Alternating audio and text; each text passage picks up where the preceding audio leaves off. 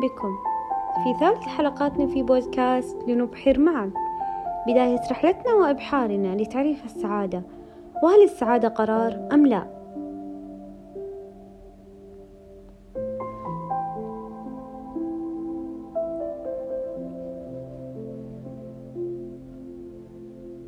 السعادة هي كل ما يدخل الفرح والبهجة على النفس وهي الشعور بالرضا والراحة النفسية.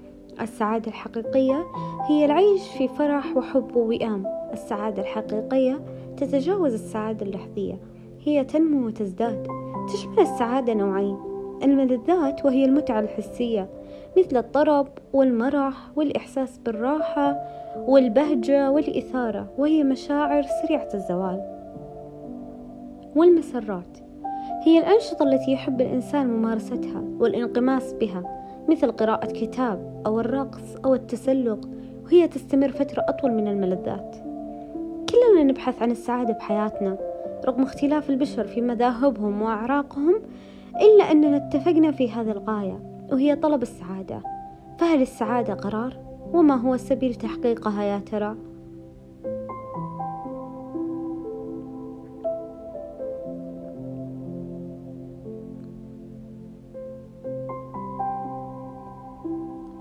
السعادة عموما هي الإحساس بالمتعة والانبساط. هي تطمئن القلب وتشرح الصدر وتريح البال.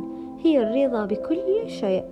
السعادة تنبع من القلب وهو شعور ناتج عن عمل يحبه الإنسان أو يكون ناتج عن شيء قام به آخرون لشخص ما.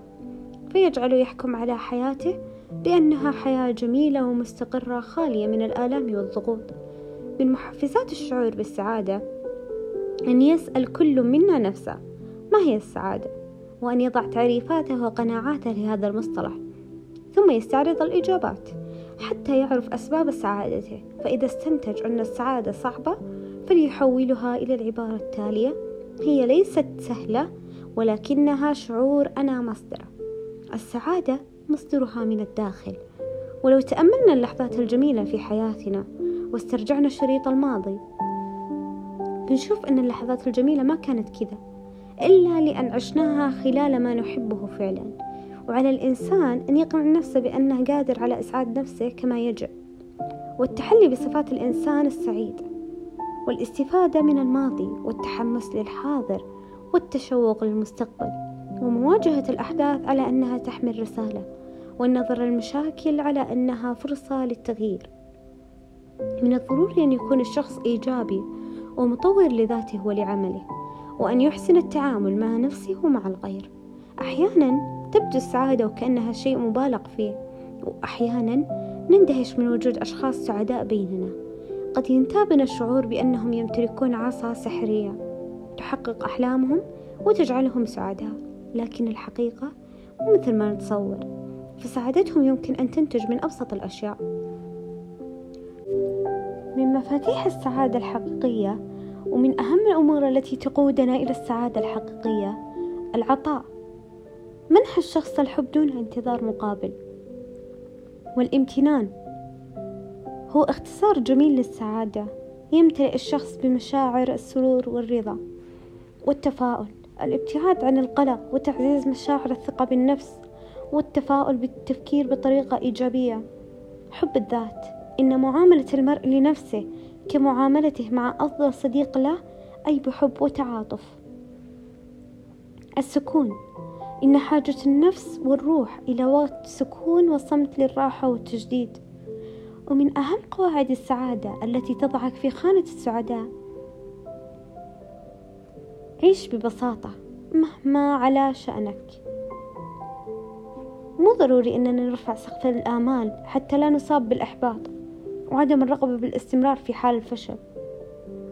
إننا نعيش اللحظة نعيش كل يوم بيومه. ما نضيع وقتنا بالبكاء والتحسر على الماضي. الماضي ماضي والمستقبل لسه ما جانا. أما الحاضر هذا اللي لازم نعيشه. هذا اللي لازم نستمتع فيه وبكل ثانية فيه.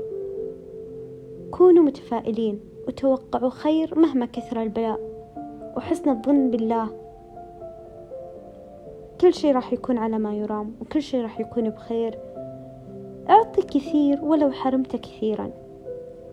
تقديمك يدعون للآخرين يمنحنا إحساس الرضا عن النفس والارتياح. وحقيقة أنك شخص نافع يدخل السرور للقلب. السعادة لا تشترى بالمال. يضمن لك المال أنك تتجول بحرية وأنك تسافر حول العالم وأنك تشتري ملابس غالية. بس ما يمنحك السعادة اللي تبحث عنها.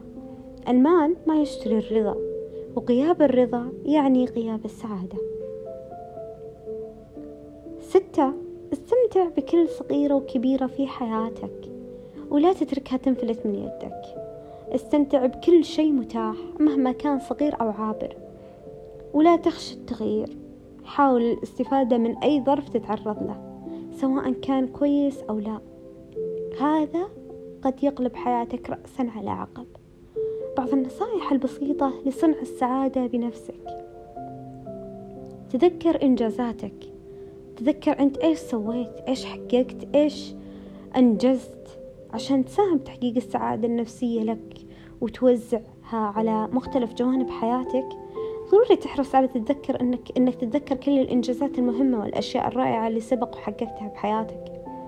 لأن تتذكر هذه الأشياء الرائعة يساهم في تحويلك إلى شخص إيجابي ومتفائل. بعيد عن كل ما يمكن أن يزعجك ويتسبب في تعاستك وحزنك. إنك تستمتع بالأمور الصغيرة في حياتك اليومية هذا يؤدي إلى السعادة. من الضروري أننا نستمتع بالأمور الصغيرة اللي تمر في حياتنا اليومية ونعطيها كامل انتباهنا ونغض نظرنا عن كل ما يمكن أنه يتسبب في حزننا وتعاستنا. يمكن مثلا أن نشعر بالسعادة لأن أنجزنا أعمالنا بوقت مناسب. أنت مسؤول بالأول والأخير عن إسعاد نفسك وبث البهجة فيها. عليك الحرص على فعل الأمور اللي تحبها. الابتعاد عن الأعمال اللي تسبب لك الإنزعاج والتعاسة. التفاؤل في الصباح. تلعب الحالة المزاجية خلال الساعات الصباح الأولى دور أساسي في سعادة الإنسان أو حزنه. من الضروري أن نتفائل في كل صباح وأن نقتنع بفكرة أساسية وهي أن اليوم سيكون جميل ومفعم بالسعادة والراحة وأن نزيل من رأسنا كل ما يمكن أن يسبب لنا الحزن والإحباط. أحط نفسك بالسعادة لتسعد لتشعر بالسعادة المطلقة في حياتك بعيد عن التعاسة والحزن عليك أن تبتعد عن الأشخاص السلبيين الذين يملؤون حياتك بالسلبية وأن تحرص فقط على إحاطة نفسك بأشخاص إيجابيين يساهمون في رفع معنوياتك وتعزيزها. تقبل نفسك ولا تبحث عن المثالية. ما في شيء مثالي. المثالية كذبة اخترعوها الناس. لتصنع سعادتك بنفسك يوميا. عليك أنك تعمل على تقبل نفسك كما أنت. لا تبحث عن المثالية الزايدة. التي تقف حاجز منيع بينك وبين الشعور بالسعادة. المثالية لا وجود لها في حياتنا. ما في شيء كامل. والسعي وراء تحقيقها سيجعلك تشعر بالتعب والحزن في الحياة. ومن العادات اللي تفسد السعادة. البعض يتبنى أفكار وعادات تعيق سعادته وتنقص عليه حياته ويصبح مدمن عليها ويرفض التخلي عنها مما يمنعه عن التمتع بالحياة ويسبب تعاسته ومن أهمها عندنا التذمر. انتشرت أخيرا ثقافة التذمر وتسمى شعبيا بالتحلطم. يتحلطم فلان يتحلطم فلان لين ما يصير الاكتئاب فل هي عدم الاكتفاء أو الإعجاب بأي شيء وكل شيء حتى في اللحظات السعيدة. نشير إلى وجود أمر سلبي أو سيء. والتوضيح في فرق بين التذمر والفضفضة اللي تجعلك تلجأ الصديق أو قريب للتحدث, للتحدث حول أمر ما.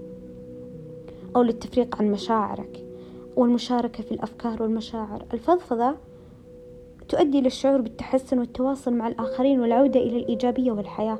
أما الشكوى تشرح لشخص مشكلتك على أمل أن تجد لها حل ويساعدك في التغلب عليها. بينما ثقافة التأمر والتحلطم تجعل الشخص يبرز ويجد أمر سلبي في كل شيء بما فيها ثوابت الحياة كالأسرة والعمل والدين. وعندنا التركيز على النواقص وعدم رؤية المميزات. مهما في أشياء حلوة لابد من نطلع هذا العيب الصغير. أفضل تشبيه لهذه العادة هو أن يرى الشخص دائم دائما النصف الفارق في الكاس ما يرى النصف الممتلئ. مثل أن يرى الزوج عيوب زوجته فقط بأنها بدينة أو أنها كثيرة نسيان. وما يرى أنها تحبه أو أنها نظيفة أو أنها ممتازة ومثقفة ومتدينة. أو العكس أن ترى الزوجة بزوجها هكذا. ينطبق ذلك على رؤيتهم جميعا جميعا النعم مثل الأطفال والبيت والعمل وغيرها. هذه العادة تمنع الاستمتاع بالحياة وتحول النعم إلى مصدر للألم والحسرة والمشاكل. التركيز على تغيير الآخرين البعض يقضي طول حياته وهو يحاول تغيير من حوله. أغير أهلي أغير زوجي أغير أصحابي حتى الأطفال حتى يصبحوا أشخاص وفق هواهم أو ما يرغبون به لكن أمر مستحيل فعلا كل ما يمكنك أنك تغيره هو نفسك.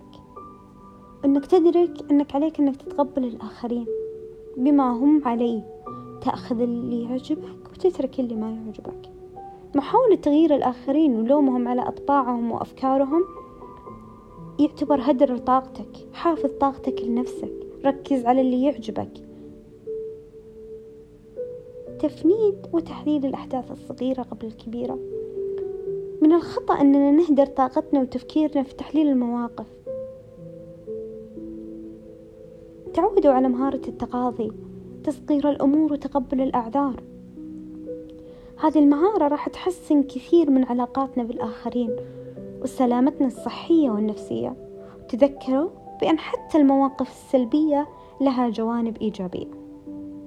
لا تبحث عن سعادتك في الآخرين وإلا ستجد نفسك وحيدا وحزين لكن ابحث عنها داخل نفسك وستشعر بالسعادة حتى لو بقيت وحدك.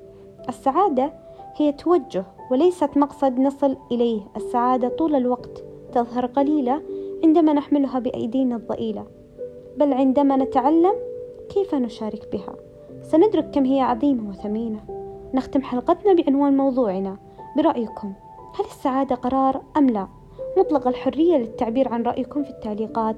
أستودعكم الله. كنت معكم أنا شهد الشمري.